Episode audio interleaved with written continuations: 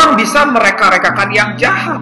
Ada banyak strategi jahat, konspirasi jahat, pengkhianatan, dan apa pun yang bisa terjadi dalam hidup kita. Tetapi Yusuf percaya bahwa sekalipun banyak orang merekakan yang jahat terhadapnya, Tuhan sanggup mengubah segala sesuatu yang buruk menjadi yang baik. Yusuf percaya bahwa apa pun yang terjadi dalam hidupnya itu seizin Tuhan. Peristiwa apa yang terjadi dalam hidupnya itu nggak gampang ketika dia ditangkap, dibuang ke dalam sumur, lalu dijual sebagai seorang budak. Bukan apa yang terjadi kepada kita yang penting, apa yang terjadi di dalam diri kita itu yang penting.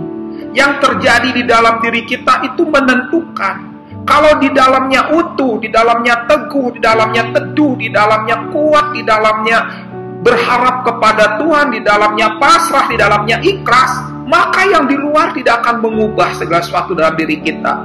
Tapi kalau di dalamnya rapuh, di dalamnya rontok, di dalamnya kita nggak tahan terhadap penderitaan, peristiwa yang menyakitkan, peristiwa tenang pun akan menjatuhkan kita.